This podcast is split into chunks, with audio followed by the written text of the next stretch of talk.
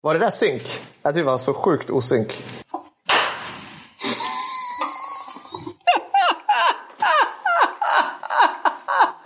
Ah. Okej, eller så kör vi bara. Jag vet inte. Och så kanske du kan hitta in. Okej.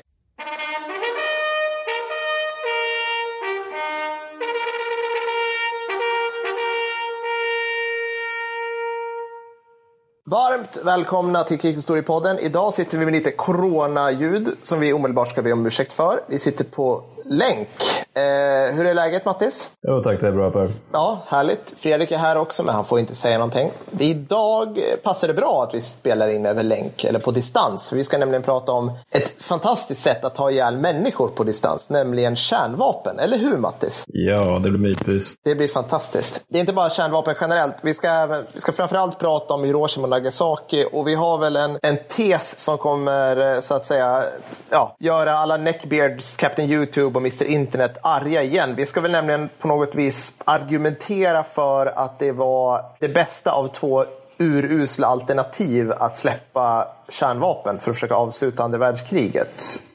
Är det en sammanfattning av vår tes, Mattis? Ja, jag tror det. Men jag tror också att för, för en gångs skull så här går vi inte clinch med, med liksom internet som någon form av amorf halmgubbe. Utan nu är det mer så att vi går i clinch med så här kultursidor. Eller alltså, nästan så här tror jag liksom lite här allmän syn på historia. För jag, ja. jag, tror, jag, tror, jag, jag gissar nu, jag killgissar hårt, men jag skulle tro att om man tänker på Hiroshima och Nagasaki och är svensk så tänker man nog liksom bara obegriplig ondska och fullkomligt onödigt och godtyckligt och så vidare. Men jag tänker att man kan åtminstone resonera om saken.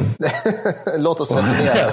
ja, låt oss resonera om saken. Nej, men, här, men hur, tyckte, hur upplever du, att, var ska vi börja någonstans? Ska vi, ska vi liksom förklara vad, liksom, hur kom vi fram till Trumans beslut att släppa bomberna? Eller egentligen, om man ska dra och hårdra det, han nekade, han sa inte släpp dem, han sa bara vi testar väl, eller liksom kör, för ni ja, vill det. Så. Nej, men alltså, jag, tänker, vi kan ju börja, jag tänker om man tar liksom ingångsvärde ett mm. så är ju det på något sätt hur beter sig japanerna under andra världskriget. Ja. Och jag tänker om man nu ska liksom exemplifiera det på ett väldigt bra sätt så skulle jag exemplifiera inte med försvaret av Japan som de planerade, det kommer vi också komma till, men utan försvaret av den lilla ensliga byn Sanananda på Nya mm. Guinea 1943. Vi lägger upp en, en skärmbild från Google Earth liksom, där vi får se den här hopplöst ja, minimala skitön någonstans någonstans. Ja, alltså, om du, kära lyssnare, är intresserad för sånt där, så är Sanananda, alltså, det är bara mangroveträsk. Det, mm. det är en mm. strand och mangroveträsk. Det ser för jävligt ut och ingen vill vara där.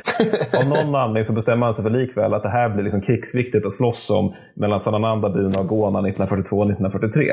Och ja. Hur japanerna agerar här, det är liksom signifikativt för hur de agerar under mer eller mindre hela Stilla havskriget. För det vi har här, det är en ganska liten garnison med japaner. De har rätt många av dem just varit på Kokoda Track, vilket inbegriper eh, kannibalism för att den ah. egna logistiken inte fungerade som det skulle. Sen har de tagit av sig av den då, då, då så har de gått norrut till Sanananda och där har de bestämt sig för att det här är i och för sig inte liksom vårt land eller någonting som är viktigt för kriget, men vi ska fan hålla. Och sen så bestämmer de sig det på hösten 42 och sen så strider de fram till januari 43. Och januari 43 så har alla japanska soldater malaria, alltså ja. samtliga har malaria. Rätt många har beriberi också, sen så en massa vidriga djungelsjukdomar som så här fläckbu- eller kvalsterburen fläcktyp tyfus och jungle rot och vad det är. Alla svampinfektioner i världen. Ja. Och det här är liksom bara steg ett. För nästa grej är då också att de har ju naturligtvis ingen mat. Eftersom den amerikanska, eller japanska logistiken är lite väl krasslig för det. Ja. Och de har inte så mycket ammunition. De har typ inget artilleri. Många av dem har som B-vitaminbrist vid det här laget att de är blinda. Så de skjuter på gehör istället. Ja. så så kan man ju göra. Och sen någonstans i januari så börjar man få slut på skyttesoldater i främsta linjen. Så det som man gör då det är att man, fältläkarna får gå omkring då på sjukhusen och fråga folk utan armar, ben och typ huvuden du där, känner du dig redo att ställa upp för kejsare och fosterland? Och då säger folk jajamän och så hoppar de ut i skyttegravarna och strider där. Alltså trots att de är svårt sårade. De lägger om förbanden då i första linjen i leran och regnet och allt vad fan det är. Och det här är liksom så de gör i tre månader. Och ja. sen i januari tar käket helt slut. Så då bestämmer de sig för att fortsätta strida i en vecka till efter det. Ja. Och de som överlever det, de knyt, anknyter till andra japanska förband och fortsätter slåss. Alltså det som jag är ute efter är att japaner under andra världskriget, japanskt infanteri under andra världskriget, de ger sig aldrig. Nej. Man tar alltså 50 000 japanska krigsfångar under hela andra världskriget. Det kan jämföras med att man tar alltså, under kriget 2,8 miljoner tyska soldater till fångar. Så det är liksom ingenting. De förlorar två miljoner stupade, men 50 000 ger sig. Det är liksom bara några procent av de totala förlusterna. Så att japaner ger sig inte. Så det är ingångsvärde nummer ett skulle jag säga. Ja, ja. Får jag, bara, för jag, jag tänkte på en grej, att många kanske går runt med en bild i sitt huvud, liksom regular Joe, att säga, ja, men allierade stred mot axelmakterna, axelmakterna var fascister, de var onda. Och man ser kanske framför sig, om man ser framför sig något, någonting alls när det gäller japaner, så här, elak Kempetai, hemlig polis-ish, möjligtvis någon japan med liksom en två och en halv meters bajonett på som så här spetsar spädbarn i Nanking, om man har någon bild. Och sen bredvid den så ser man framför sig någon sån här svartklädd SS-man med dödskalle som skjuter ryska spädbarn i huvudet med sin luger. Och så tänker man så här att men de här två är väl ungefär lika fanatiska. Man ser framför sig någon så här eh, generell fanatism som att det finns en nivå. Du är antingen fanatiker eller inte. Men här ser vi, jag tycker, jag tycker det du tar upp är så intressant, för här ser vi liksom att det är en sån jäkla gradskillnad på det här. Om... Ja, ja, för alltså, tyskarna gör ju aldrig någonting åt det här hållet. Alltså, för, eh, för japanerna är standardförfarande 1A. Ja. Alltså Tarrava, Pelelo, det är precis samma grej. Det är så här, Pelelo, av 10 000 personer i garnisonen så överlever 19. ja, så Ja. Det, det är liksom, Jag, så kan det få, vara. jag, jag tänkte att jag diskuterat med folk liksom att se framför er serien Homeland till exempel. Och där har ni eh, uppe i åtta säsonger nu. Man får tycka vad man vill. Men där har man ju karaktären Saul och man har karaktären Carrie. Och Saul är den här eh, lite mer tänkande, taktiska individen. Och Carrie, hon är bara apeshit jämt. Så så liksom hela tiden bara, okej vi har ungefär samma mål, vi ska fånga de här terroristerna. Jag tänkte vi ska göra så här A, B och C. Och Carrie bara, nej, nej, jag tar min pistol och ruschar in och bara skändar själv. Han bara, men kan du in, måste du offra dig hela tiden? Måste du vara liksom självimmolerande i varenda scen du är med i? Ja, för jag är crazy! typ så och det, det kan jag tänka mig är skillnaden. Liksom. Alltså, Tyskland bara, ja, men måste ni verkligen anfalla USA och alla andra länder samtidigt och ni har ingen logistik, ni har bränsle för typ fyra månader till. Liksom. De bara, jo, för att.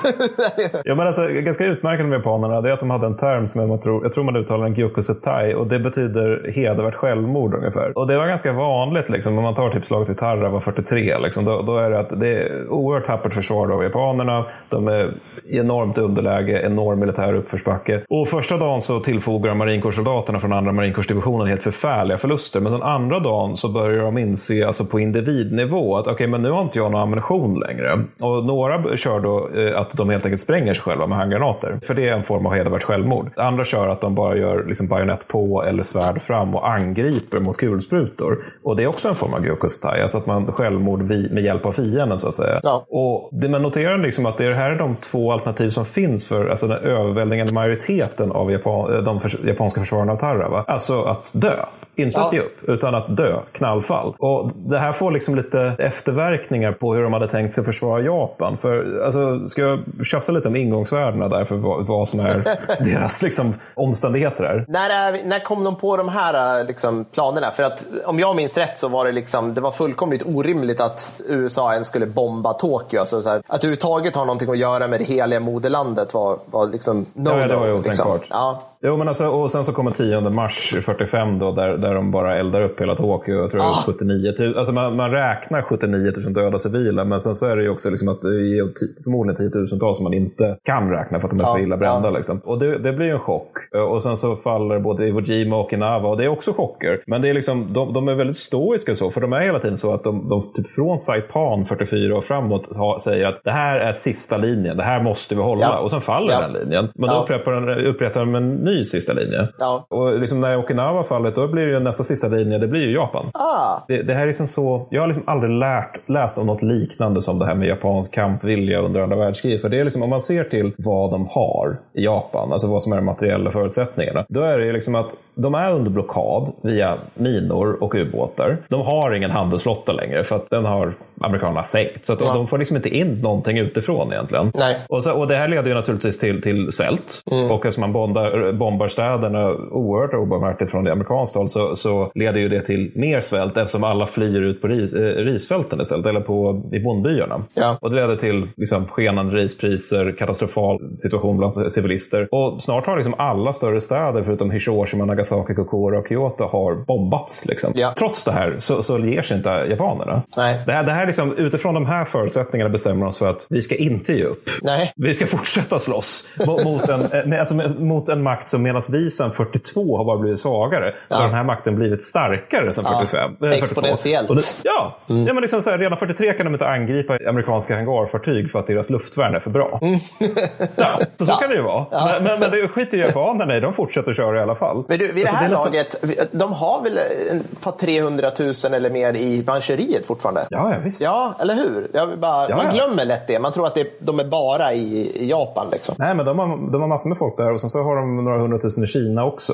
Och jag menar, liksom, i Kina pågår, på- pågår det ju fortfarande, i alla fall partiellt, fullt krig mellan Japan och eh, kinesiska nationalistarmén. För det mesta. Alltså, I och för sig det är ganska ensidigt, för nationalisterna är här laget så jävla dåliga. Så att det är framförallt att japanerna trycker lite på dem och sen så dör det en massa soldater för kinesernas del. Men, men jag tänker, man, man kan ju på något sätt få ett intryck av vad amerikanerna förväntade sig att möta utifrån vad de hade tänkt att sätta in. Ja. Så ska vi dra det eller? Kör. Det här är, nu, Okej. nu vill jag bara varna lyssnarna att nu blir det mycket siffror. Ja, kör. Jo, nej men så här va. De, de, de hade tänkt sig en stor plan, amerikanerna. De hade tänkt sig, och de kallar det för Operation Downfall. Och den här hade två undersektioner. Den ena är mot Kyushu, som ligger i söder. Och eh, den kallar man då för Operation Olympic. Alltså det man tänkte sig liksom bara som flottunderstöd för, eh, för operationerna mot Kyushu, det var 16 amerikanska hangarfartyg. Ja. Jag tror de har 12 totalt idag. Men det är 16 Ja. stycken då. Ja. Plus 6 brittiska. Ja.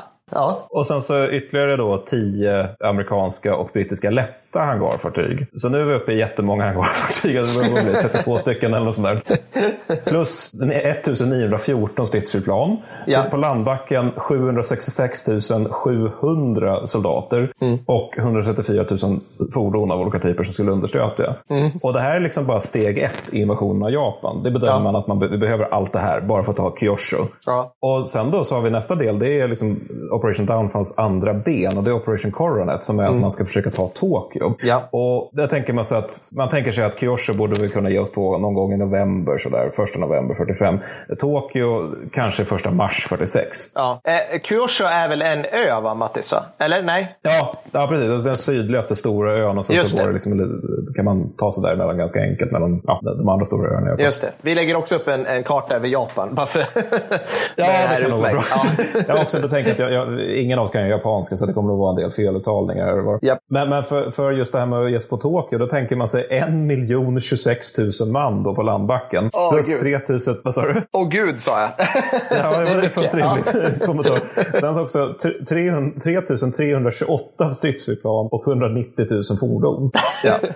Det är liksom de absolut största amfibieoperationerna i mänsklighetens historia Ja. som är så redo för det här. Och, det, och det, det här är liksom det man, det kommer nog behövas det här. Och grejen är att man är inte alls säker på att om vi gör allt det här, kommer japanerna ge upp då? Ja, det finns ju en risk att det blir så att vi tar Tokyo, vi tar Kyushu Ja. och sen så lyckas vi på något sätt säga åt arméledningen antingen döda den eller säga, tvinga den till att, att säga att nu, nu, nu får det vara bra. Liksom. Men det finns ju risken då att alla de här förbanden du nämnde som är i Manchuriet och Kina Mm, och som finns liksom utspridda i Indonesien, att ja, men de kanske inte ger sig. Nej. Så då får vi ta höjd för det också. Alltså Ja. att vi kanske måste börja rensa ut hela Asien Ja. från allt organiserat motstånd. Ja, och sen alltså bara se på japanska huvudöarna. Liksom, att, så här, man, skulle ha, man, man skulle träna alla civila. Det här kanske du kommer till. Men, men liksom, det skulle bli en, en slags gerillarörelse som skulle få, få liksom Werwolf i, i Tyskland efter, att framstå som, ja till och med i dess bästa dagar, som Hitler ville att skulle bli, så skulle det vara ingenting mot det civila motståndet över tid. Liksom. Nej, nej. Men det skulle alltså, få, att- all, skulle få Irak Afghanistans liksom, insurgentrörelser att framstå som så här, äh, lekisutflykter. Liksom. Ja, ja men alltså det, framför inte minst när det gäller numerär. För att, det, alltså det fanns, jag tror, mellan 70 och 80 miljoner japaner, jag minns inte riktigt. Men man har tänkt sig att alla män i vuxen ålder som inte är pensionärer och nästan alla kvinnor också, att alla de skulle ingå i för, försvaret och rätt många som stridande. Och man hade ju liksom inte vapen till så mycket folk, så de fick ju ofta spjut istället. Man hade ju liksom brist på tyg, så de fick ju fan inte uniformer heller. Och det här skulle ju då naturligtvis få en och annan följd, följdeffekt. Liksom amerikanskt infanteri vet att okej, hela civilbefolkningen är nu stridande. Men vi, de är inte markerade på något sätt som indikerar att de är stridande. Vilket innebär att det är skjuta vilt som gäller då, Ja. antar jag. Det är väl det som skulle bli effekten. Ja, gud. Ja. Nej, men så man, man planerade liksom ungefär världens undergång från amerikanskt håll. Och det är liksom, japanerna hade ju typ samma plan fast åt andra hållet. Ja. Vad, vad skulle Japan sätta emot det här var tanken? Har vi gått igenom Ja. det? Eller? Ja. Mm. Jag kan med glädje berätta vad de ja, hade tänkt sätta, det. Det här verkar ju emot superspännande. Ja, nej, men så, som sagt, det blir mycket siffror. Va? Men, men alltså, de, de hade ju då, för hela Japan så hade de 2,9 miljoner man mobiliserade. Och det, det, är ganska, det är ganska mycket. Det är rätt mycket Var det reguljär armé? Ursäkta. Det är alltså reguljär och det man kallar för utbildningsdivisioner. Eh, utbildningsdivisioner och kustdivisioner som, som de kallar det. Och det, de har ganska lågt stridsvärde. Det, kustdivisionerna till exempel, deras order är bara att håll kusten tills ni dör. Ja, ja. Det, det är det som är, det, det ska bara låsa fienden och dö. Ja. Och sen, så, sen finns det reguljära förband som ska dyka upp och slå på dem. Eller som på amerikanerna när de där är låsta. Då. Ja. Men så det man tänker sig då det är att man har 2,9 miljoner man. Man har, ingen, man har ingen flotta längre, för den har ju amerikanerna sänkt under olika former under olika sjöslag under krigets gång. Men däremot har man fortfarande ganska mycket stridsflygplan. Ja, man har jag tror ungefär 10 000 eller något sånt där. 5 350 av dem är avsedda för självmordsbombare. Alltså kamikaze helt enkelt. ja, men det är en rimlig uppdelning.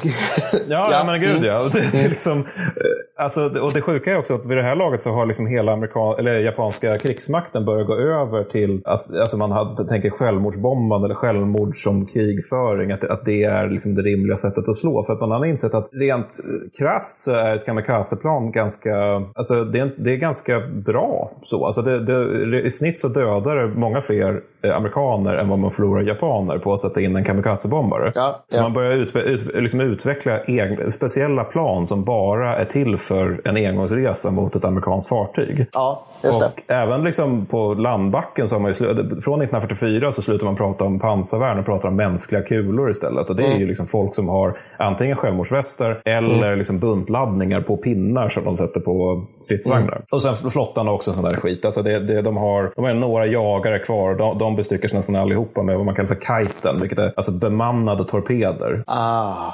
Åh, herregud. Ja. Ja, och det, det är ju liksom engångsresa på den. Man fattar ju inte Ja. riktigt hur det fungerar. Alltså, hur kan det vara? Ja, nej, det, det är en helt egen podd som vi kan ha på. Men man, man skulle vilja ha någon sån här lättare, bara, det, hur det japanska psyket utvecklades till det här. För det, jag tror för, för Ja. oss är det så otroligt svårt att förstå det här liksom, på ett sätt som, ja, men man, man, liksom, man ser det värsta som kunde ske i Europa på något så här, så här västerländskt mindset. Det är liksom Nazityskland. Där de Mm. hade den här Götterdämmerung-ideologin och tredje riket. Och, men det var ju så otroligt få ändå. Alltså även om man tittar på hela Tysklands befolkning.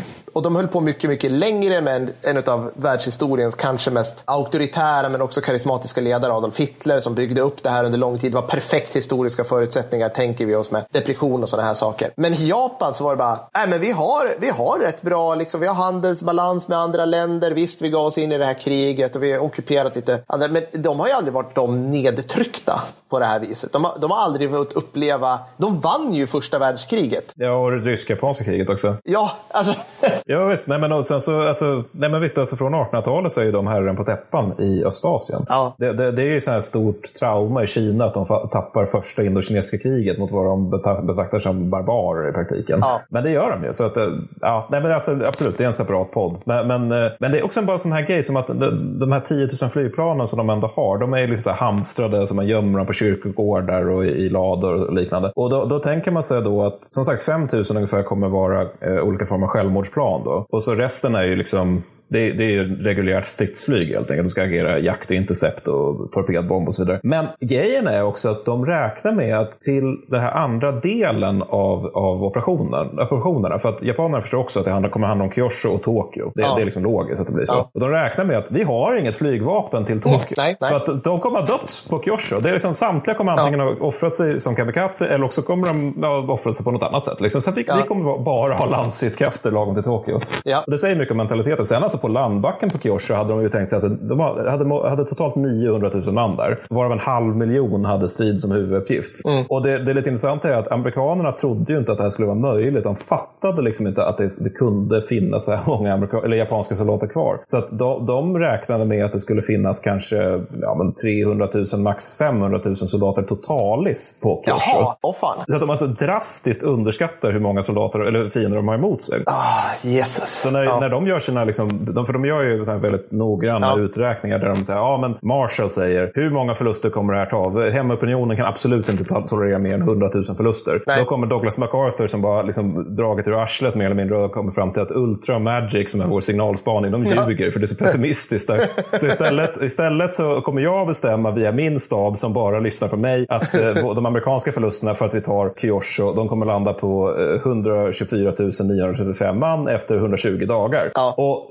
ska tilläggas så att det här är alltså fortfarande förluster som Marshall säger att ah, det där är för mycket, det där får du tona ner. Vi, alltså, det kan aldrig kunna bli färdiga med det här kriget rent inrikespolitiskt Nej. ifall vi ska förlora 124 000. Nej. För grejen är att de här uträkningarna, det är utifrån att eh, japanerna är ungefär hälften så många som de faktiskt är. Så, precis, så att, så att de, här, de här orimliga förlusterna som MacArthur pratade om då, som skulle åsamkas amerikaner, som, som liksom inrikes, du får inte nämna det inrikespolitiskt, så drar vi oss ur direkt. Det är i extrem underkant om de räknade mot att de skulle slåss mot ett par hundratusen soldater de i verkligheten skulle ha satts upp mot 2,9 miljoner plus så här 400 000 beväpnade attackförskoleklasser som skulle så här rusa så, mot så här, japansk, eller amerikanska stridsvagnar. Liksom. Mm -hmm. Jo, men absolut. Ja. och, och, det sjukaste är också att det, det finns eh, för, för Marshall vill ju ändå ha liksom lite koll på det här. Vad kan vi komma att förlora? Liksom, alltså, okay, vi kan inte nämna det utåt, men vi måste ju ha koll på det inåt. Det, ja. Annars går det inte. Och det, det, han gjorde då, det var att de, det är också väldigt amerikanskt under det här kriget, att man håller på med den tabulära synen på världen. Men det man gjorde då, det var att man upprättade liksom olika matriser. Där man hade en matris som var för ETO, alltså Västeuropa i grund och botten. Ja, mm. Precis, European Theatre of Operations. Mm. Eh, och en matris som var för Stilla havet. Mm. Och då så, utifrån de här då så lyckas man snitta sig fram till vad operationer i de här olika områdena kostade per tusen man och dag. Yeah. Och om, det, om, det, om de då utgår från att det handlar om ETO, då så kostar operationer där 2,16 förluster per tusen man och dag. Yeah. Om, det är stilla, om det är Stilla havets stridsförhållanden så är det 7,45 man per tusen man och dag.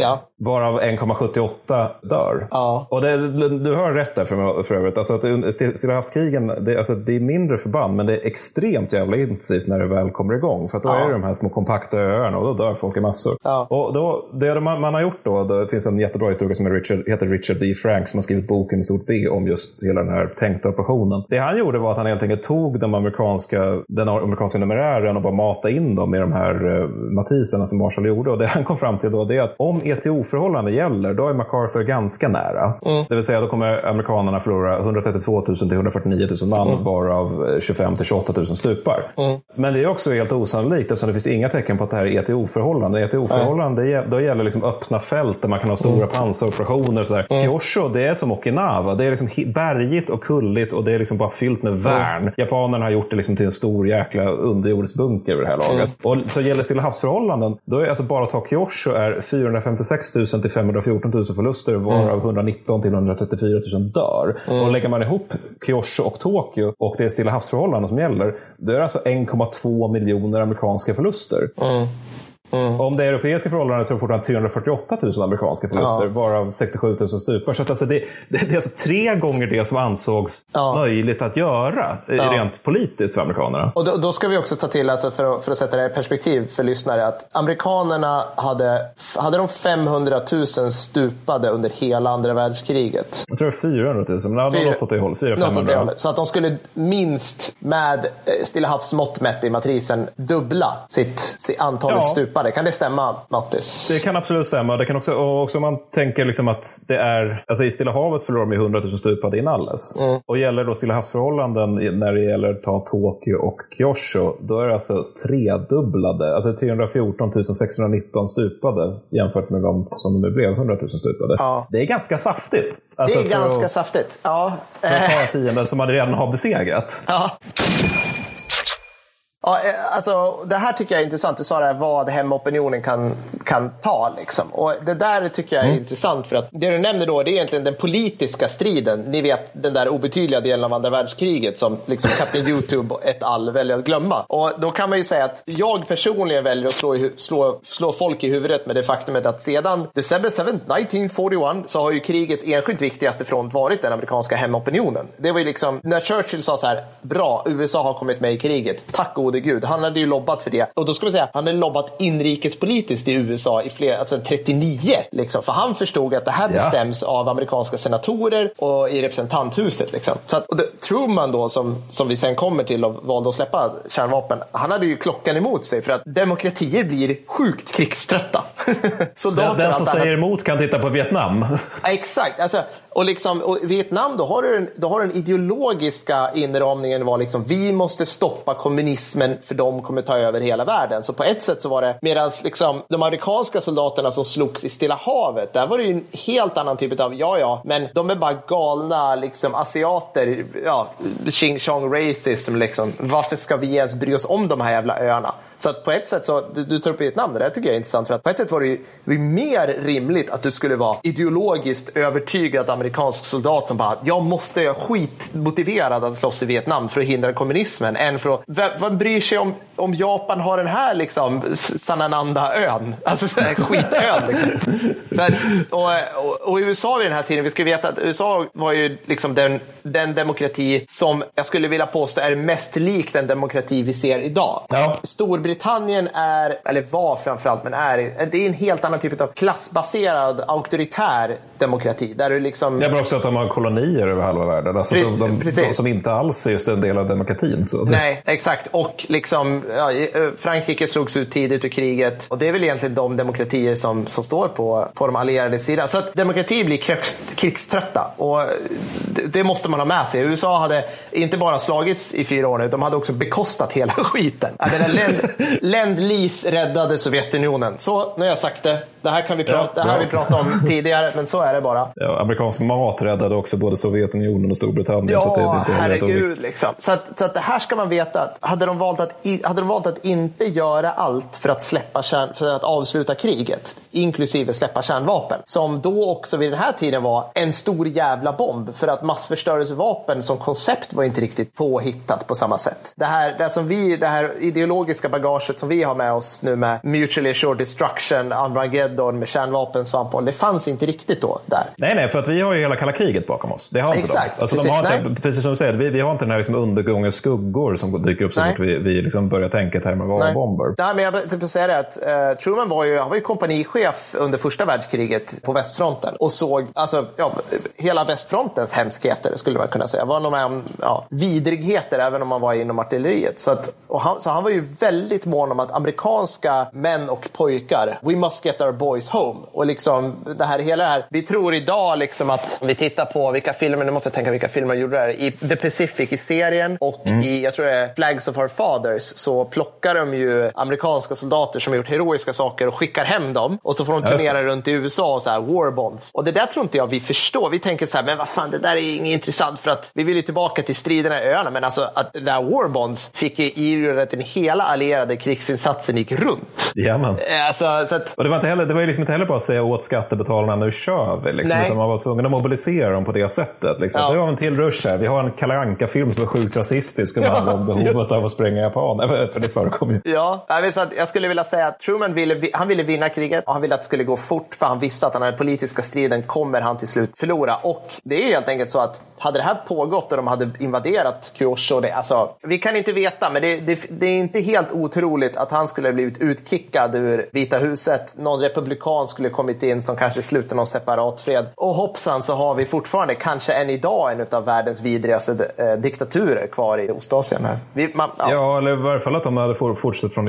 att göra skada liksom, som de gjorde. För att, alltså, jag hittade någon, någon uträkning på det där som var att för varje månad som kriget pågick från tror jag, 31 till 45 så dör eh, 200 000, eller 100 000 till 200 000 kineser. Ja. Och, och, de gör ju det bara för att japanska imperiet existerar ja. överhuvudtaget. Ja. Liksom var, var, alltså man, man, säger liksom att det här kriget bör inte ta slut på det här sättet. Det bör inte ta slut med atombomberna för att det är vidrigt. Jag menar, fine, det är vidrigt. Det är extremt vidrigt. Men då måste man någonstans också ha i vågskålen att återigen för varje månad så är det liksom 100 till 200 000 människor bara i Kina som dör. Och jag vet inte, det känns magstarkt att säga att de inte har samma existensberättigande som de här arma stackarna som blev atombombade i Hiroshima och Nagasaki. Men, men alltså just det där du nämnde med, med Truman och, och uh, hans delar. Jag tror också det är ganska lätt att tänka sig att Truman är någon form av så här, bara något råskinn, något så här rasistiskt as som bestämmer sig för att ja, men nu ska vi liksom bränna ihjäl gulingar. Men, men det var ju verkligen inte så. Alltså det, fin det finns ett ganska berömt citat från honom där han, när japanerna till slut faktiskt kapitulerar. Nota bene, de gör det med villkor. Alltså de gör inte mm. en ovillkorlig kapitulation, Nej. vilket till exempel Nazityskland gjorde. Utan de, de, får faktiskt behålla till exempel kejsaren, vilket annars hade det inte gått. Men, men då, då, när han får höra det så är han väldigt lättad och konstaterar att liksom, jag hade inte velat göra om det här. Alltså, han, han, säger ut, uttryckligen upprepade gånger all those kids, all those kids. Alltså, det märks att det här är någonting han bär med sig. Det är liksom inte så lättvindigt att han bestämde sig för att mjuka en stad helt enkelt. Nej. Och det här nämnde också med att det är en bomb. Alltså, för det, det ska ju också tilläggas att för människor som är i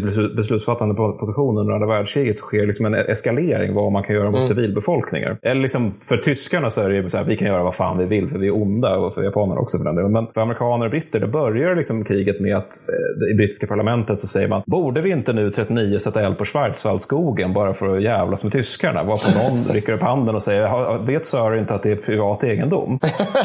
så, så, det är liksom en inställning. Men, men sen så börjar man lätta lite grann på det där. Man börjar bomba lite grann och helt plötsligt har man satt till en eldstorm i Hamburg. Och, ja, det var ju praktiskt. Och det, jag var på Dresden och sen Tokyo. Och sen sker liksom hela tiden en eskalering där man liksom går över gräns efter gräns efter gräns. Mm. Så när man till slut har bomben, då är det, då är liksom, ja, men som du säger, det är bara en bomb. Ja. Det, det, det, man, det, man känner till radioaktivitet, men man förstår inte helt ut hur illa det kommer bli. Liksom, att det faktiskt kommer vara folk i tiotals år efteråt som dör av eh, radioaktivförgiftning och sådär. Ja. Men vi, alltså sen Mattis, vi, vi har inte kommit in på antalet dödsoffer i Hiroshima och Nagasaki. Det kan vi göra, men vid, vid det här laget som du säger så har ju liksom alltså B29 som släpper brandbomber över Tokyo som består av papp och mm. tunt trä. Yep. Alltså dödssiffrorna är ju, alltså, läs om hur barn sugs in av, eh, av liksom elden tillbaka. Liksom. Folk som ja. liksom kokas i kanalerna i, i Tokyo och inte av kärnvapen. Alltså, så att, vart, när ska vidrigheterna ta slut? Liksom? Det är ju det. Ja, men det är väl det också. Ja, jo, visst.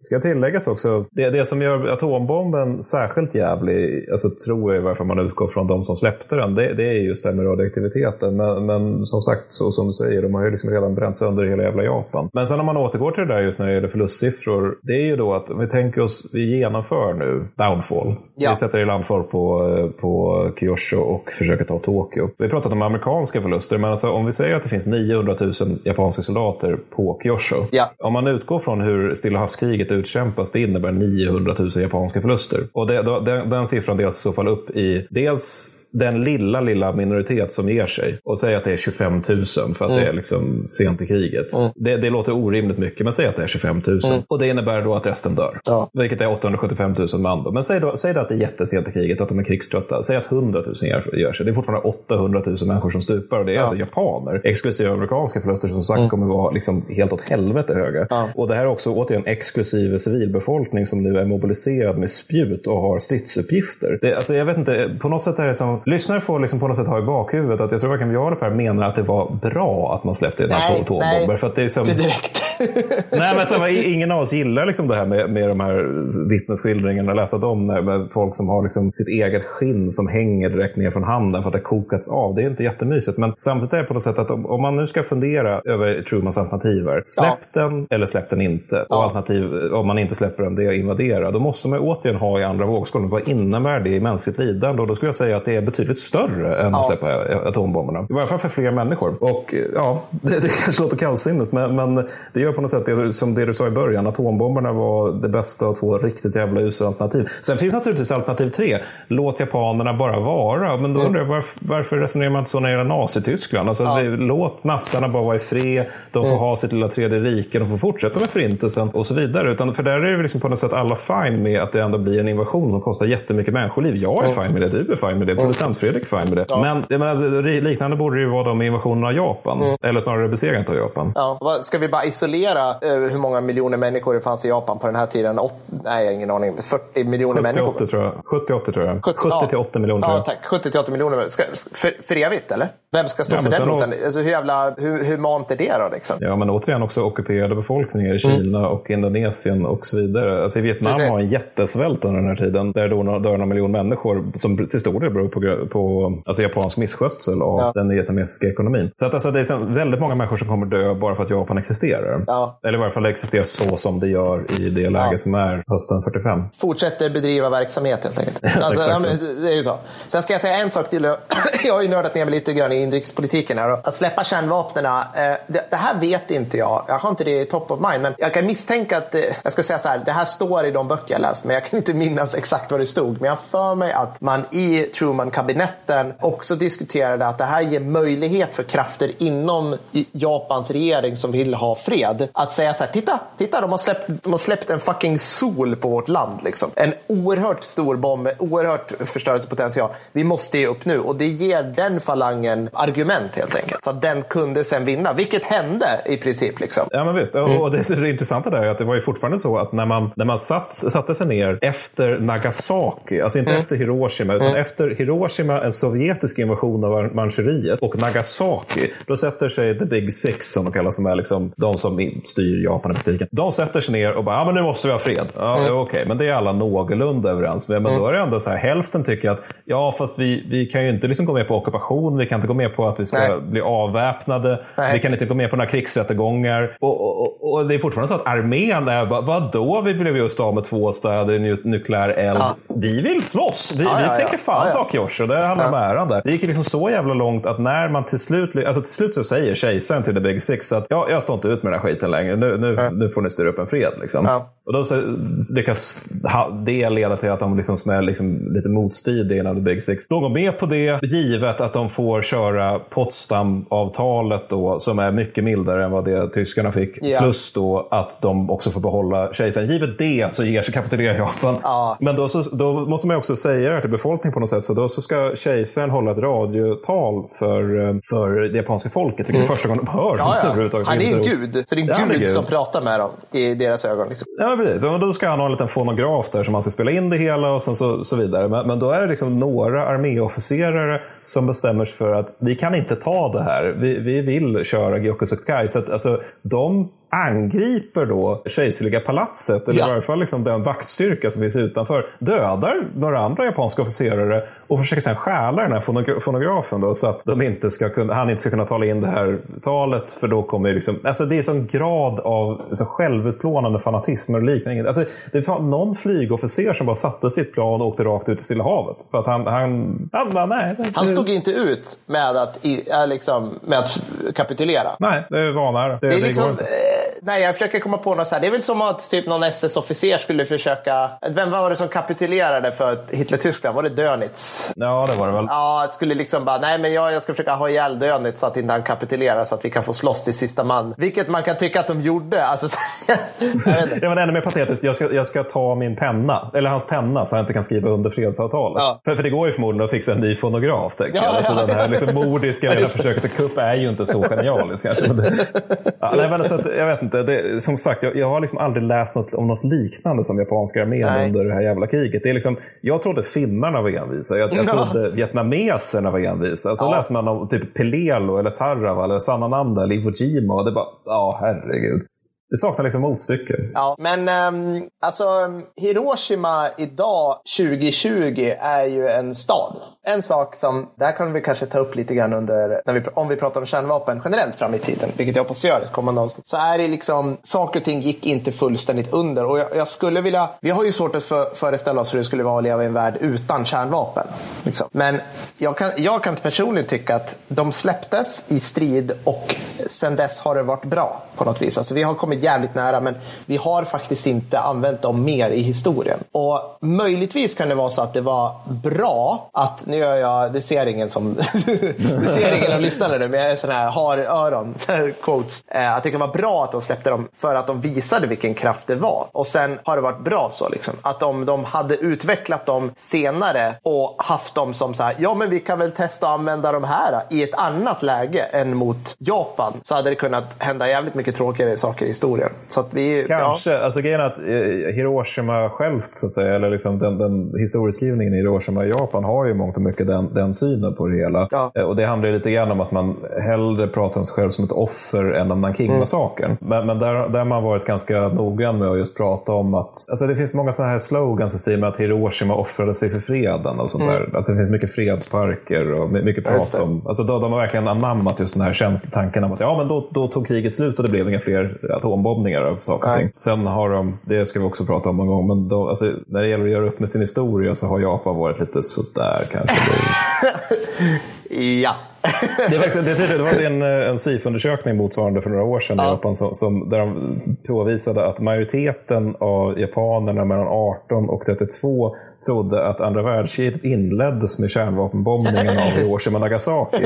Och det tänker jag att det säger nog en del om liksom hur man undervisar om historia och vad man fokuserar på för Ja. liksom den gängse Ja. befolkningen. De, de har inte riktigt tagit tag i det där med, ja, återigen, Kina. Nej, nej. Eller typ Korea, Indonesien, Korea. Filippinerna, Manila. Så det är liksom ganska mycket hemska grejer som det kejserliga japanska armén hinner göra innan 45. Ja, gud ja, gud ja. Sista grejen. För jag tror, ja, eh, det är faktiskt eh, som är helt sjuk. Det är ju det här som du sa, det, det var inga Nürnbergrättegångar. Istället så sa ju, och det här är inget, det här är ingen galen konspirationsteori, men det är, det, är kall, det är kallsinnigt på ett sätt som ibland bara USA är. Och det är just det här att de bara, ja, nej men vi kör inga rättegångar mot er för att ni, ni har ju kunnat leverera ett värdefull vetenskapligt kunnande till Ja, oss. du, nu." du menar Och- dem ja. ja. Ja, och då var det så här, vad, vad är då detta liksom? Varför kom alla de här hundratals japanska motsvarigheterna till Dr. Mengele undan liksom?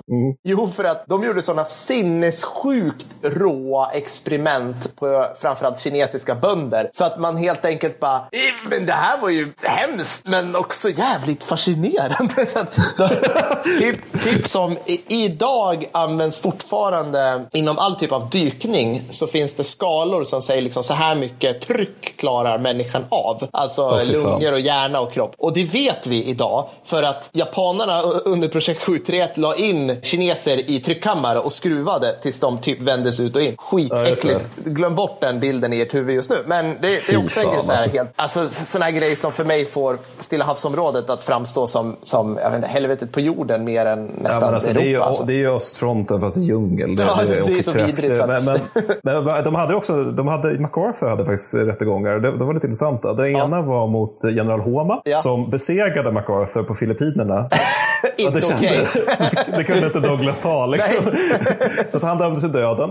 Eh, sen var det också mot Yamashita som eh, var eh, chef för eh, de styrkor som, som blev besegrade av MacArthur när han skulle ta tillbaka Filippinerna. Och det kunde han heller inte riktigt ta för att Yamashita var en rätt bra general. Så, där, så att det, det, då, då, han blev också dömd till döden. Då. Svinbra. Vi ska ha också ett avsnitt om MacArthur.